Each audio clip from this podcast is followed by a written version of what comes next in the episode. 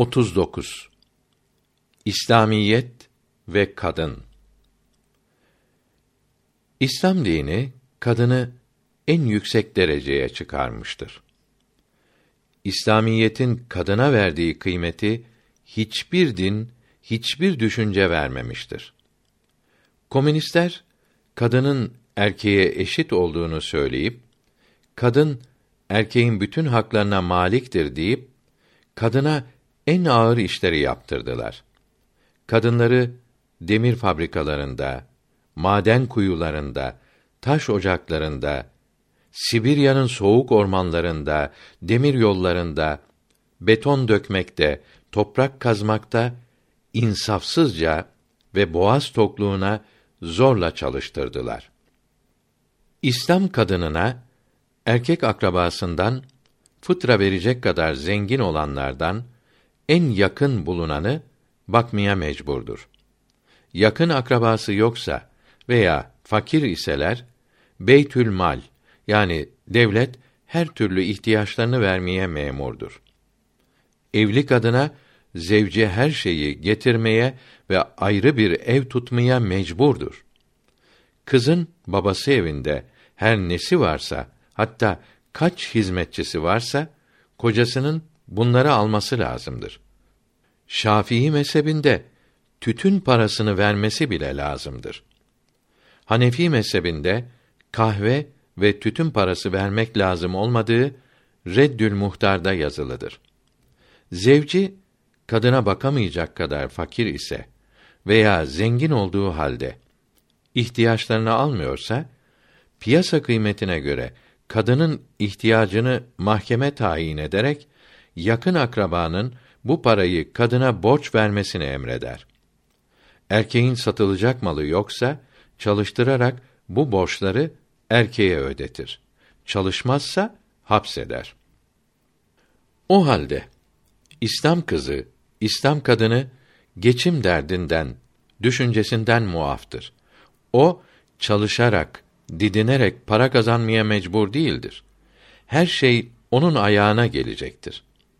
Dini İslam ona bu kıymeti vermiştir. Fakat kadının İslamiyeti, dinini, imanını, farzları, ibadetleri, haramları öğrenmesi farzdır.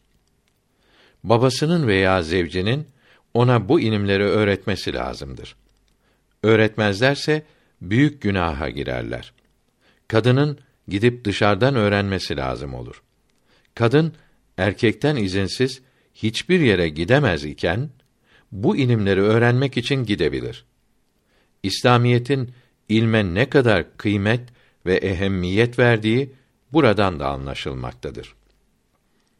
Müslüman kadını ticaret, fen, sanat ve ziraat ile uğraşmaya mecbur değil ise de bunlarla meşgul olması, para kazanması yasak ve günah değildir.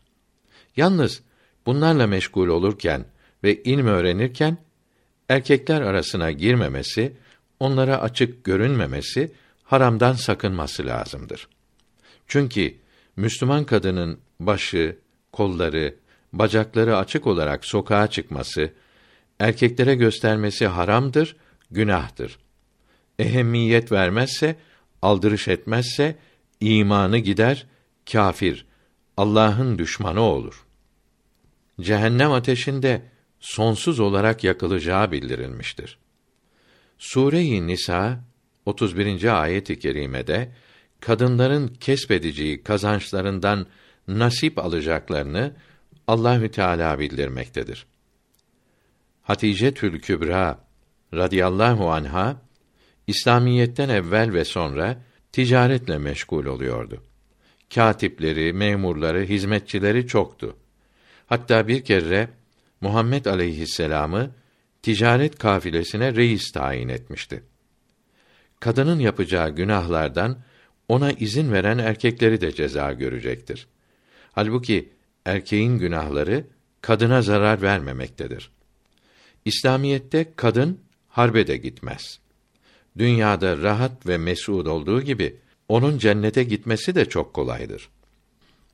Tembihül Gafilinde yazılı hadisi i şerifte dört şeyi yapan yani kocasına hıyanet etmeyen, beş vakit namaz kılan, Ramazan-ı Şerif'te oruç tutan ve 18 erkekten başkasına başı, saçı, kolları, bacakları açık olarak görünmeyen kadın cennete gidecektir buyuruldu. Çünkü doğru kılınan namaz insanı günah işlemekten korur ve İslam'ın şartlarını yerine getirmek sevgisini hasıl eder. 18 mahrem erkeğin kimler oldukları ikinci kısım 34. maddede yazılıdır. Tembihül Gafilinde ve Şir'a şerhinde yazılı hadisi i şerifte Peygamberimiz sallallahu teala aleyhi ve sellem bir kadın beş vakit namazını kılar, Ramazan ayında oruç tutar, namusunu korur ve zevcine itaat ederse dilediği kapıdan cennete girer buyurdu. Ebu Muti Belhi'nin Lü'lü'iyat kitabından alarak Riyadün Nasihinde yazılı hadisi şerifte beş şeyi yapan kadın cehennemden kurtulur. Beş vakit namazını kılar, Ramazan ayında orucunu tutar, zevcini, anasını babasını üzmez, yüzünü ve saçlarını yabancı erkeklere göstermez, dünya sıkıntılarına sabreder buyuruldu. Peygamber Efendimizin sallallahu aleyhi ve sellem hicretin 10. yılı son haccının hutbesindeki sözlerinden son nasihatlerinden biri kadınlarınıza eziyet etmeyiniz. Onlar Allahü Teala'nın sizlere emanetidir. Onlara yumuşak olunuz, iyilik ediniz olmuştur. İslamiyette evlenmek, bir kızı mes'ud etmek ibadettir ve bütün nafile ibadetlerden daha sevaptır. İslamiyette dört kadına kadar almaya emrolunmamış, ancak izin verilmiştir. Yani mübahtır. Bunun da şartları vardır. Bu şartları taşımayan erkeğin birden fazla evlenmesi günahtır. Birinci şart zevcelerinden her birini mesud ettirecek kadar zengin olmaktır. Diğer şartları fıkıh kitaplarında yazılıdır. Nimet-i İslam'da diyor ki, dörde kadar evlenmek, erkekler için kolaylık olduğu gibi, kadınlar için de adetleri çok olduğundan kolaylıktır. İslamiyetten önce bir erkek dilediği kadar kadınla evlenirdi. İslamiyet bu sayıyı dörde indirmiştir. Birden fazla evlenmek vacip olmadığı gibi mendup da değildir. Birden fazla evlenmemenin daha iyi olduğu bildirilmiştir. Devlet mübah olan bir şeyi emr veya yasak ederse buna uymak caiz olur. Berika'nın 91. sayfasında diyor ki: Devletin İslamiyete uygun emirlerini yapmak vaciptir. İslamiyete uymayan emirlerine isyan etmek, fitneye, anarşiye sebep olmak büyük günahtır. Büyük zarardan kurtulmak için küçük zararı yapmak lazım olur. Faidesini düşünerek devletin emrettiği her mübahı yapmak millete vacip olur. 928. sayfede diyor ki: Zalim olan devlete karşı da isyan etmek caiz değildir. Hadikada 143. sayfede diyor ki: Zalim devlet mübah işlemeyi yasak ederse buna itaat vacip olur. Kendini tehlikeye atması caiz olmaz. İbn Abidin Kadiliği anlatırken diyor ki: Kâfir memleketlerinde kâfir kanunlarına itaat etmek zarureti olduğundan sulh ve hud'a yapılmış olur. Mallarına, canlarına, ırzlarına saldırmak da caiz değildir. Yaratılışta kadınlar erkeklerden çok olduğu gibi harplerde, kazalarda erkeklerin ölmesi kadınların ölümünden daha çoktur. Yani erkek adedi kadından azdır. İslamiyetin dörde kadar izin vermesi, kızların kocasız kalmaması, metres hayatına, umumi evlere düşmemesi ve şereflerini, namuslarını, saadetlerini teminat altına almak gayesiyledir. Hristiyanlıkta erkeğin bir kadından fazla alması yasak olduğu için Erkekler metres hayatı yaşıyor. Komşu, ahbap kızlarını, talebelerini, işçileri ifal ediyorlar. Birçok kadınla gizli evlilik bağı kuruyorlar. Bir yandan kadınlar, kızlar fuhşa, felakete sürükleniyor, istikballeri mahvoluyor.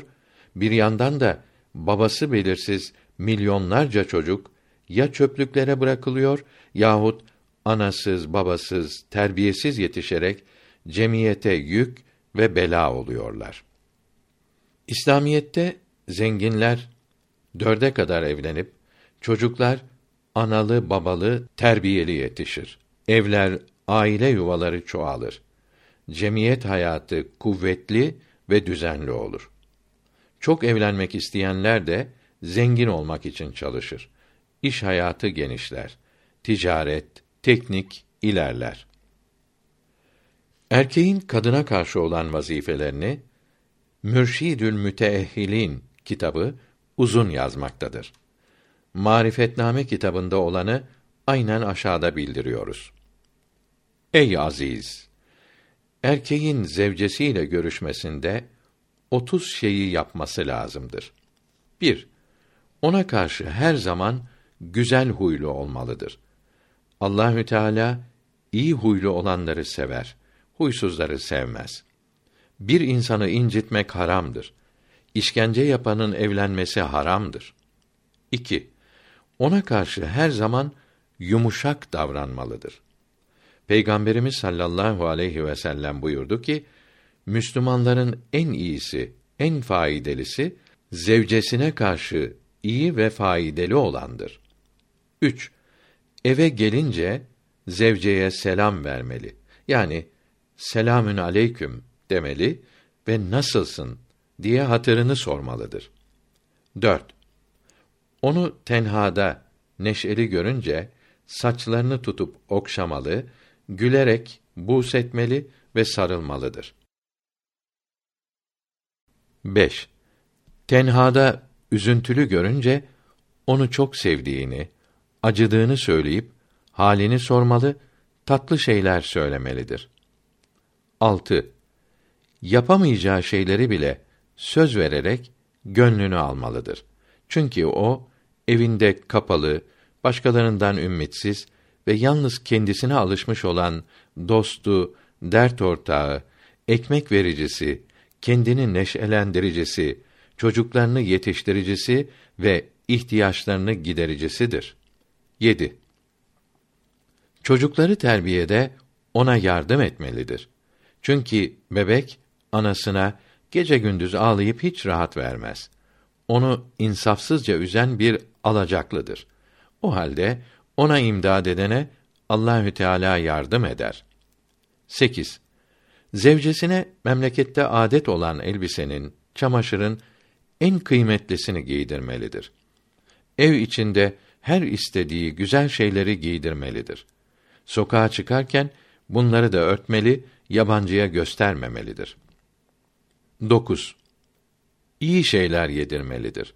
Zengin ise helal olan her şeyi almalıdır.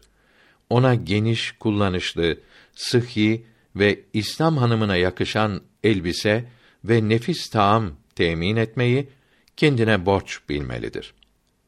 İmamı Gazali rahmetullahi aleyh Kimyayı Saadet'in 141. sayfasında diyor ki: Zevcenin nafakasını sıkmamalı, israfta etmemelidir. Ailenin nafakasına verilen paranın sevabı sadaka sevabından daha çoktur. Peygamberimiz sallallahu aleyhi ve sellem buyurdu ki: Gaza için sarf edilen, köle azad etmek için, fakire sadaka vermek için ve evindekilerin nafakası için sarf edilen altınların en üstünü ve sevabı çok olanı evin nafakasına verilen altının sevabıdır. İbn Sirin rahmetullahi teala aleyh buyuruyor ki hiç olmazsa haftada bir kere tatlı yedirmelidir. Nafaka temininden aciz olanın evlenmesi haramdır. Yemeği yalnız yememelidir. Çoluk çocukla yemek sevaptır. En mühim şey nafakayı helalden kazanıp helalden yedirmektir. 10. Zevcesini dövmemelidir. Dürrül Muhtar 3. cilt 188. sayfedeki suçlardan birini işlerse onu tazir etmesi, edeplendirmesi caiz olur ise de yine vacip olmaz. Bazı kimseler Nisa suresi 33. ayetinde kadınların dövülmesi emrolunuyor diyorlar. Halbuki bu ayet-i kerimede mealen erkekler kadınlar üzerine hakimdirler. Çünkü Allahü Teala bazı kullarını bazısından üstün yaratmıştır. Hem de erkekler kendi mallarını onlar için harc ederler. Kadınların iyileri Allahü Teala'ya itaat eder ve zevçlerinin haklarını gözetirler. Zevçleri hazır olmadıkları zaman onların namuslarını ve mallarını Allah'ın yardımı ile korurlar. Hıyanet etmesinden korktuğunuz kadınlara zevç haklarını öğretin ve tatlı sözlerle nasihat edin. Onları yatağınızdan ayırın. Yine uslanmaz iseler hafif dövün. Uslanırlarsa onları üzecek şey yapmayın buyruluyor. Görülüyor ki mala ve namusa hıyanet etmeyen kadınları dövmek değil, onları hiçbir suretle üzmek caiz değildir. Hain olanları da yumruksuz açık el ile veya düğümsüz açık mendil ile hafif vurarak ıslah etmeye izin verilmiştir. Namusa ve mala hıyanet edenlere her hükümet, her kanun ağır ceza yapmaktadır. İslamiyet kadınlara çok kıymet verdiği, çok acıdığı için hain olanlarını kanun pençesine düşürmeden önce hafif vurmakla ıslah edilmelerinin de tecrübe olunmasını emretmektedir. Bir hadis-i şerifte buyuruldu ki, bir erkek zevcesini döverse kıyamette ben onun davacısı olurum. Dünya işlerindeki kusuru için dövmek şöyle dursun, acı, sert bile söylememelidir.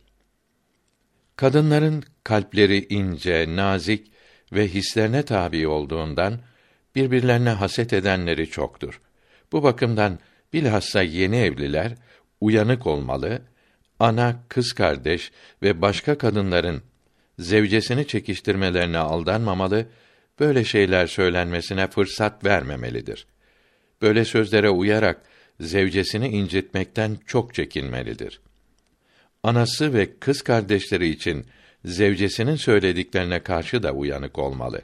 Anaya eziyet olunmasına hiçbir suretle göz yummamalıdır. Anasına kendisi, zevcesi ve çocukları her halde saygı göstermelidir. Ana babaya, kayınvalide ve kayınpedere hürmet hizmet edilmesi birinci vazife olmalıdır. Büyüklerin rızasını, duasını almaya çalışmalı, hayır dualarını büyük kazanç bilmelidir. 11. Allahü Teala'nın emirlerini yapmak hususunda olan kusuru için bir günden çok dargın durmamalıdır. 12. Zevcesinin huysuzluklarını yumuşak karşılamalıdır. Çünkü kadınlar iğri kaburga kemiğinden yaratılmıştır akılları ve dinleri erkeklerden azdır. Erkeğe emanet olunmuşlardır. Gülerek, tatlılıkla geçinmek için alınmışlardır. Aklı olan zevç ve zevce birbirlerini üzmezler. Hayat arkadaşını üzmek, incitmek ahmaklık alametidir. Zalim, huysuz kimsenin hayat arkadaşı devamlı üzülerek asabı bozulur. Sinir hastası olur. Sinirler bozulunca çeşitli hastalıklar hasıl olur. Hayat arkadaşı hasta olan bir eş mahvolmuştur. Saadeti sona ermiştir. Eşinin hizmetinden, yardımlarından mahrum kalmıştır. Ömrü onun dertlerini dinlemekle, ona doktor aramakla, ona alışmamış olduğu hizmetleri yapmakla geçer. Bütün bu felaketlere, bitmeyen sıkıntılara kendi huysuzluğu sebep olmuştur dizlerini dövmekte ise de ne yazık ki bu pişmanlığının faidesi yoktur. O halde ey Müslüman, hayat arkadaşına yapacağın huysuzlukların işkencelerin zararlarının kendine de olacağını düşün. Ona karşı hep güler yüzlü, tatlı dilli olmaya çalış.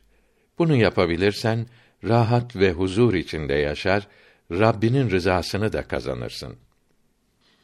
13. Zevcesinin ahlakında bir değişiklik görürse, kabahati kendinde bulup, ben iyi olsaydım, o da böyle olmazdı, diye düşünmelidir. Evliyadan birinin zevcesi huysuz idi. Buna hep sabreder, soranlara derdi ki, eğer onu boşarsam, ona sabredemeyen biri alır da, ikisinin birden felakete düşmelerinden korkarım. Büyükler rahmetullahi teala aleyhim ecmaîn buyurmuş ki bir kimse ailesinin huysuzluğuna sabrederse altı şey ziyandan kurtulur. Çocuk dayaktan, tabak bardak kırılmaktan, ahırdakiler dövülmekten, kedi sövülmekten, misafir gücendirilmekten, elbise yırtılmaktan kurtulur. Bunlar Şiratül İslam'da da yazılıdır. 14. Ehli kızınca susmalıdır. Böylece kadın pişman olup özür dilemeye başlar. Çünkü o zayıftır. Susunca mağlup olur. 15. Ehlinin iyiliği çoğalıp her işi seve seve yapınca ona dua etmeli ve Allahü Teala'ya şükretmelidir. Çünkü uygun bir kadın büyük nimettir. 16. Zevcesiyle öyle olmalıdır ki zevcim beni herkesten çok seviyor bilsin. 17. Bakkal, kasap, çarşı, pazar işlerini asla ona bırakmamalı, evin idaresinde onun fikrini sormalı, dışarıdaki büyük işleri söyleyerek onu üzmemelidir. 18. Zevcesinin cahilce hareketleri için daima uyanık bulunmalıdır. Çünkü Adem babamız aleyhisselatu vesselam ehli Havva anamızın daveti üzerine yanlış iş işledi. 19. Zevcesinin günah olmayan kusurlarını görmemezlikten gelmelidir. Günah iş ve sözden vazgeçmesini ve namaza, oruca ve gusl abdesti almaya devam etmesini tatlı ve yumuşak sözlerle nasihat etmelidir. Kıymetli elbise ve zinet eşyası alacağını vaat ederek ibadetleri yaptırmalı, günahlarını önlemelidir. 20. Zevcesinin ayıplarını, sırlarını herkesten gizlemelidir. 21. Zevcesine latife, şaka söylemeli ve kadın gibi olup oyunlar yapmalıdır. Nitekim Allahü Teala'nın sevgilisi sallallahu aleyhi ve sellem ezvacı mütahherasına karşı insanların en zarifeydi. Hatta bir kere Ayşe radıyallahu anha ile yarış etti. Ayşe validemiz geçti. Bir daha yarış ettiklerinde server alem sallallahu aleyhi ve sellem geçti. Müslümanın ehliyle oynaması boş ve günah değildir, sevaptır.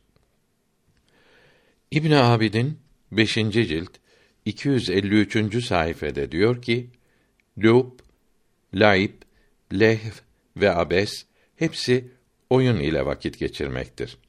Nert yani tavla oynamak, satranç, on dört taş oynamak ve bütün çalgıları çalmak ve dinlemek, raks, dans etmek, hokkabazlık, şaklabanlık etmek, başkalarıyla alay etmek, el çırpmak, hep oyun olup tahrimen mekruhturlar. Devamlı yapılırsa veya farzları yapmaya mani olurlarsa ve kumar ile yapılırsa söz birliğiyle haram olurlar. Def ve kaval, ney çalmak ve dinlemek de böyledir. Hadis-i şerifte her türlü lehv haramdır. Yalnız zevce ile oynamak, at ve silah ile talim, yarış yapmak caizdir buyuruldu. Harbe hazırlanmak için güreş caizdir. Futbol oynamak çeşitli bakımlardan haram olmaktadır. 22. Zevcesini cadde üstünde, parklara, oyun yerlerine, spor sahalarına, mekteplere karşı olan evlerde oturtmamalı, yabancı erkekleri görmesine, onlarla konuşmasına sebep olmamalıdır. Mescide yakın ve salih Müslüman komşular arasında oturtmalıdır. Salih komşular bunların birbirlerine zulüm, işkence yapmalarına mani olurlar. Nasihat ederler, yardımlarına koşarlar. Mahkemede haklı olana şahitlik yaparlar. Böyle mahalleye, böyle şehre hicret etmek vaciptir.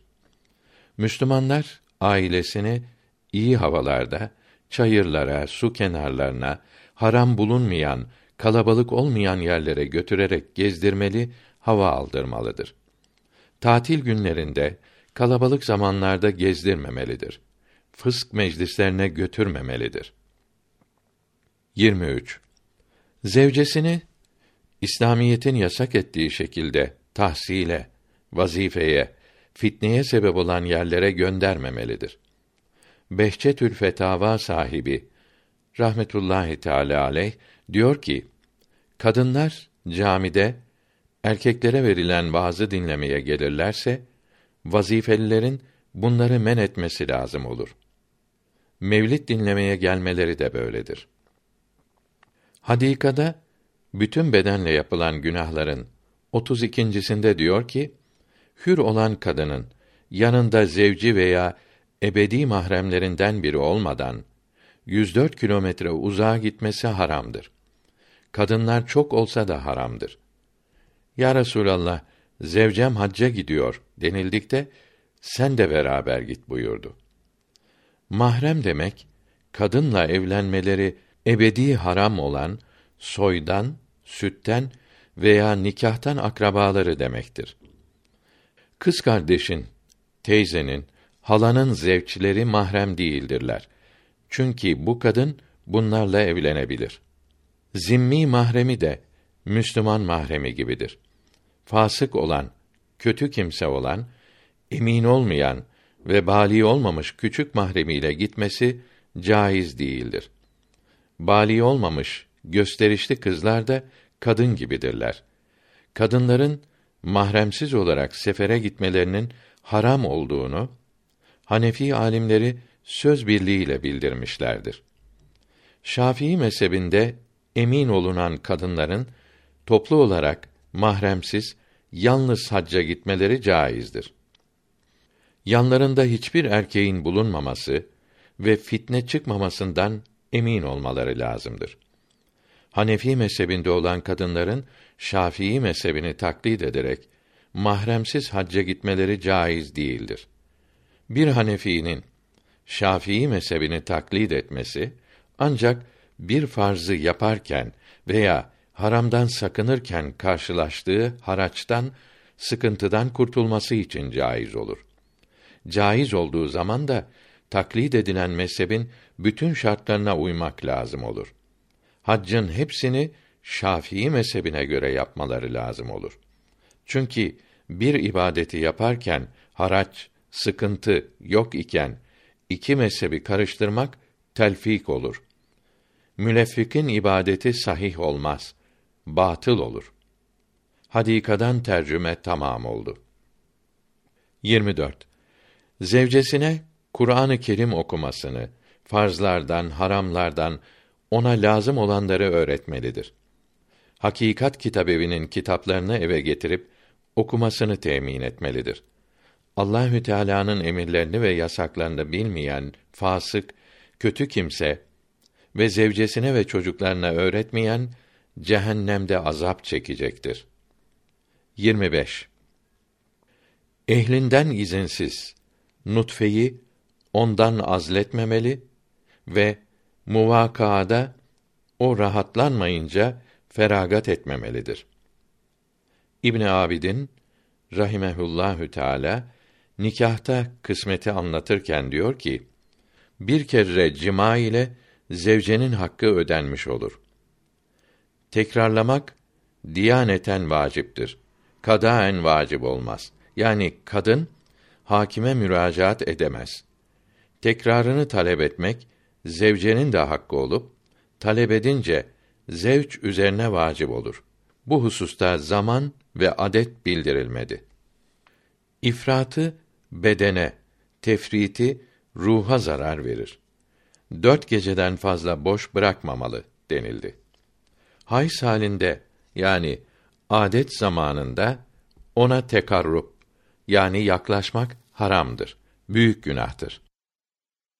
Adet, regl, on günden sonra kesilirse, gusletmese bile muvaka caiz olur. On günden önce fakat adet tamam olunca kesilirse, guslettikten veya bir namaz vakti geçtikten sonra caiz olur. On günden ve adetten önce kesilirse, gusletse dahi adeti olan günler tamam oluncaya kadar ailesiyle cima caiz olmaz. Fakat bu zaman içinde namaz kılması ve oruç tutması lazımdır. 26. Zevce yalnız evde zevcine karşı süslenip başka kimselere süslenmemelidir. Zevcesi ve kızları açık gezen erkekler onlarla birlikte cehenneme gidecek, çok acı azap çekeceklerdir. Halebi Kebir de diyor ki, hür kadının avuç içinden ve yüzünden ve ayaklarından başka bütün vücudu avrettir. Çünkü Peygamberimiz sallallahu aleyhi ve sellem kadın avrettir. Açık olarak çıkarsa şeytan gözlerini çok açarak ona bakar buyurdu. Ayaklarına avret diyenler de oldu. Nur suresindeki ayet-i kerimede mealen Müslüman kadınlar zinetlerini göstermesinler. İş yaparken zaruri açılanlar günah olmaz. Başörtülerini yakalarına kadar örtsünler. Böylece saçları, kulakları ve göğüsleri iyi örtülsün buyruluyor.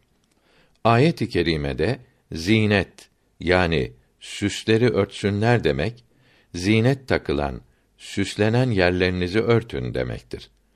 Açılması günah olmayan zinet yerlerinin yüz ile el olduğunu Peygamberimiz sallallahu aleyhi ve sellem bildirdi.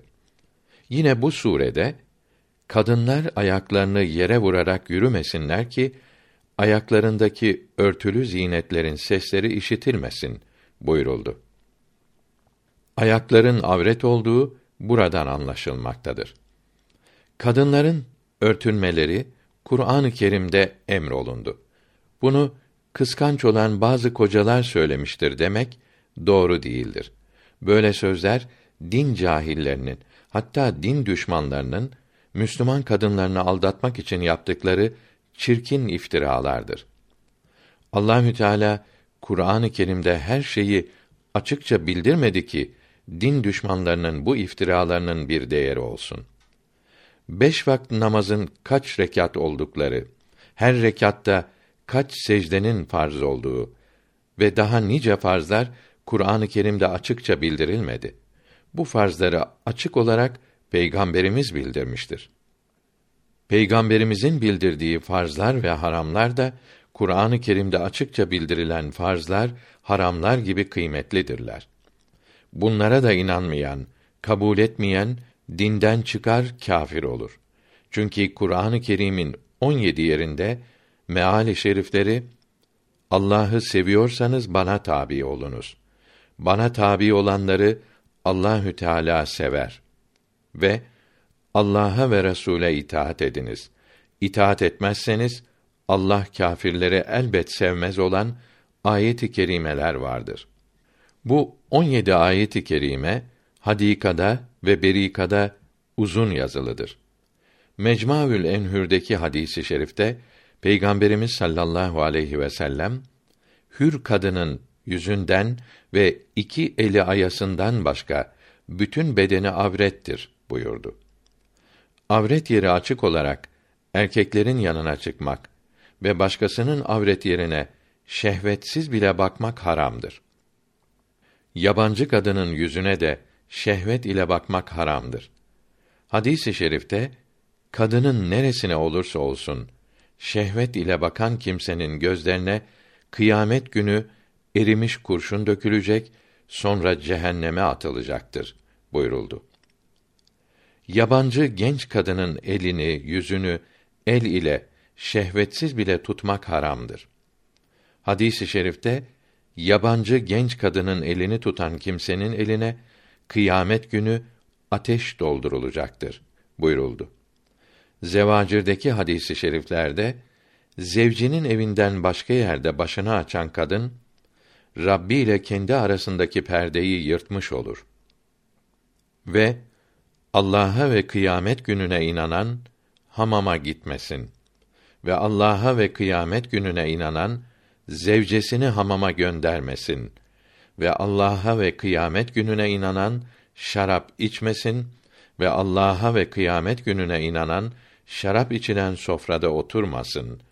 Ve Allah'a ve kıyamet gününe inanan yabancı bir kadınla yalnız kalıp halvet etmesin. Ve ahir zamanda ümmetimin erkeklerinin avret yerleri örtülü olarak da hamama gitmeleri haram olur. Çünkü orada avret mahalleri açık olanlar da bulunur. Avret yerlerini açanlara ve başkasının avret yerine bakanlara Allah lanet eylesin. Ve göbekle diz kapağı arası avrettir buyurdu.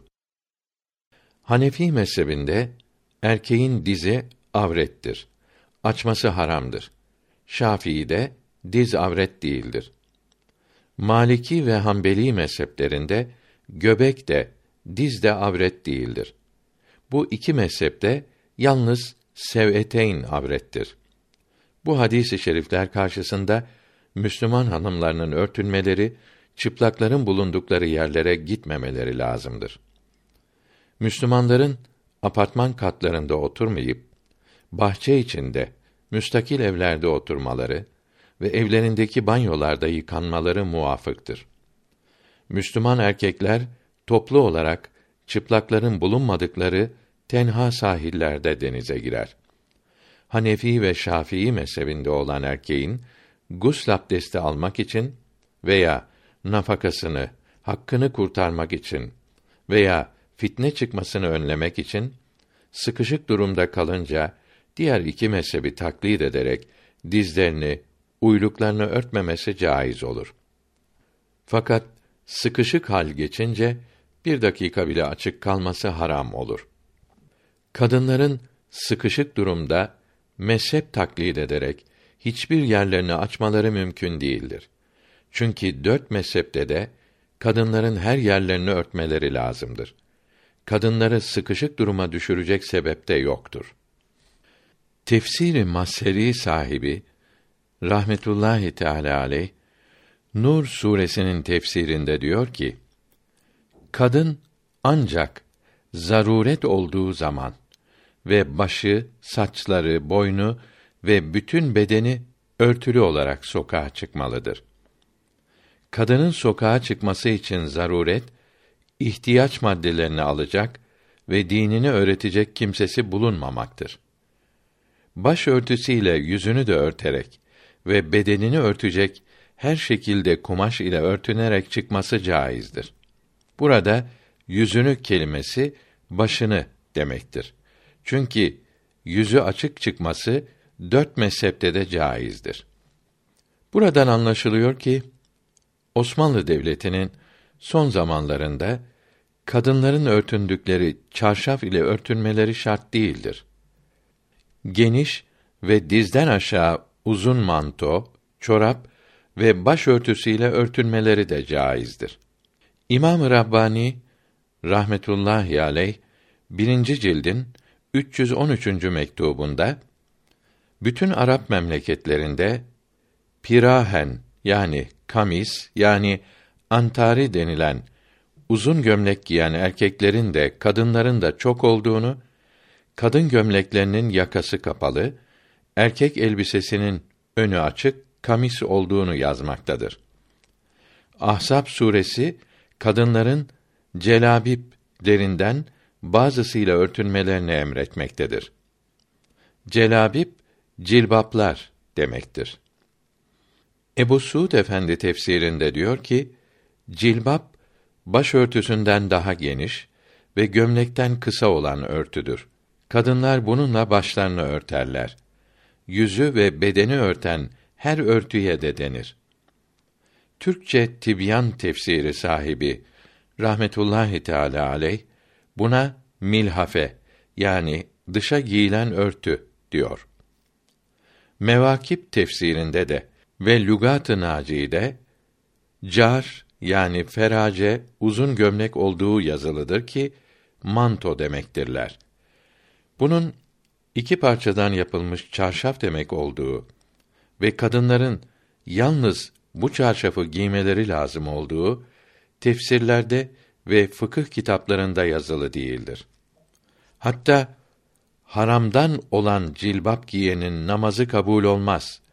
Hadis-i şerifindeki cilbap kelimesine Kitabül Fıkh alel Mezahibil Erba'da kamis yani uzun gömlek manası verilmiştir. Müncit'te de cilbap kamis demektir diyor. Caliyetül Ektar'ın son sayfasında de Ya Rabbi bize hikmetinin celabibini giydir demektedir. Bu hadisi şerif ve bu dua cilbabı erkeklerin de kullandığını bildiriyor. Şafii El Envar kitabının haşiyesinde diyor ki: Kadının namazda geniş, uzun entari ve başörtüsüyle örtünmesi ve elbisesinin üstüne kalın cilbap örtmesi müstehaptır. Cilbap, milhafe, ferace, manto denilen uzun, geniş antari örtü veya başörtüsü demektir. Ayet-i kerimedeki cilbap kelimesine çarşaf diyerek geniş ve uzun manto ile örtünmeyi reddetmek Kur'an-ı Kerim'i kendi reyi, kendi görüşüyle yanlış tefsir etmek olur. Şimdi zaman böyle. Zamana uymadan olmuyor gibi sözler doğru değildir. Masonların yaydıkları yalanlardır.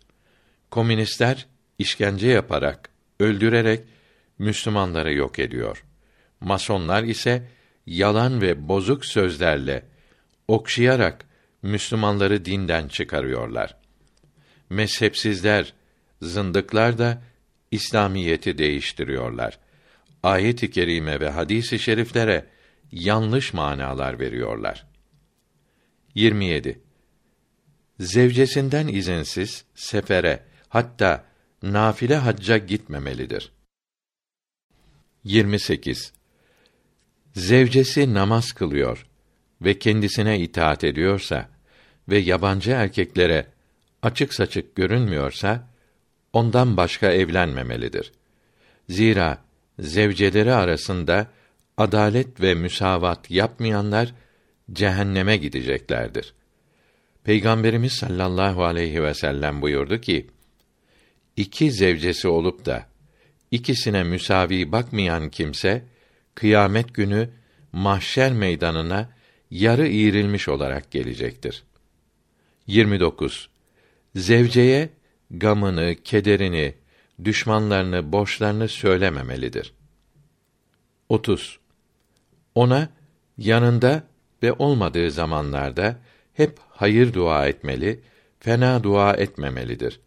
Çünkü gece gündüz onun için çalışmaktadır. Onun ekmekçisi, aşçısı, terzisi ve hamamcısı ve malının bekçisi ve yoldaşı ve munisi ve yarı ve nigarıdır. Kimya-i Saadet sahibi rahmetullahi teala aleyh 143. sayfasında buyuruyor ki: Erkeğin vazifelerinden 12.'si zevcesini boşamamaktır. Allahü Teala bütün mübahlar yani izin verdiği şeyler içinde yalnız talak vermeyi yani boşamayı sevmez. Zaruret olmadıkça birini incitmek caiz değildir. Dinini bilen ve seven erkekler her hareketinde İslamiyete uyarak hem kendilerine hem de aile ve akrabalarına ve bütün mahluklara hayırlı ve faydalı olur. Bunun için kızını seven ve onun dünyada ve ahirette mes'ud olmasını isteyen onu açık sokağa çıkarmamalı, dini ve ahlakı bozan televizyonları, radyoları dinlemesine ve böyle olan sinemalara ve topluluklara gitmesine mani olmalıdır. Müslüman olan kimse kızını Müslüman ve salih kimselere vermelidir. Mal ve apartman ve mevki sahibi değil, din ve ahlak sahibi damat aramalıdır. Kızını kâfire veren kimsenin kendisi de kızı da kâfir olur. Peygamberimiz sallallahu aleyhi ve sellem buyurdu ki: Bir kimse kızını fasıka, kötü kimseye verirse Allahü Teala'nın emanetine hıyanet etmiş olur. Emanete hıyanet edenlerin gideceği yer cehennemdir. Bir hadisi şerifte buyurdu ki, kızını fasıka veren kimse mel'undur. Şir'a şerhindeki hadisi şerifte şefaatime kavuşmak isteyen kızını fasıka vermesin buyuruldu. Eşyatül Lemaatte namazı geciktirmemeli babındaki hadisi şerifte Ya Ali üç şeyi geciktirme. Namazı evvel vaktinde kıl. Hazırlanmış cenazenin namazını hemen kıl. Dul veya kızı küffü isteyince hemen evlendir. Yani namazını kılan ve günah işlemeyen ve nafakasını helalden kazanan birini bulunca hemen ona ver buyurdu. Sun'i ilkah El halal vel haramda diyor ki erkeğin menisini bir tüp veya başka şey içinde nikahlı zevcesi olmayan yabancı bir kadının rahmine koyup çocuk hasıl olmasına sun'i ilkah denir. Haramdır. Çocuk veled zina piç olur. Sual Şer'i nikahı bulunan bir ailenin çocuğu olmaz ise sun'i ilkah ve tüp bebek denilen usul ile çocuk olmasına teşebbüs etmek caiz midir? Cevap Bir erkekle kızın şer'i nikah yaparak Allahü Teala'dan çocuk talep etmelerini tergip ve teşvik buyuran hadis-i şerifler çoktur. Çocuğu olmayan zevceğinin silsile-i aliyeyi vasıta yaparak dua etmeleri ve meşru sebeplere teşebbüs etmeleri lazımdır. Zevceynin menileri alınıp bir tüpe konuyor. Tüpte ilkah vaki olduktan sonra zevcenin rahmine konuyor. Buna suni ilkah ve tüp bebek deniyor. Bunun caiz olacağı anlaşılmaktadır.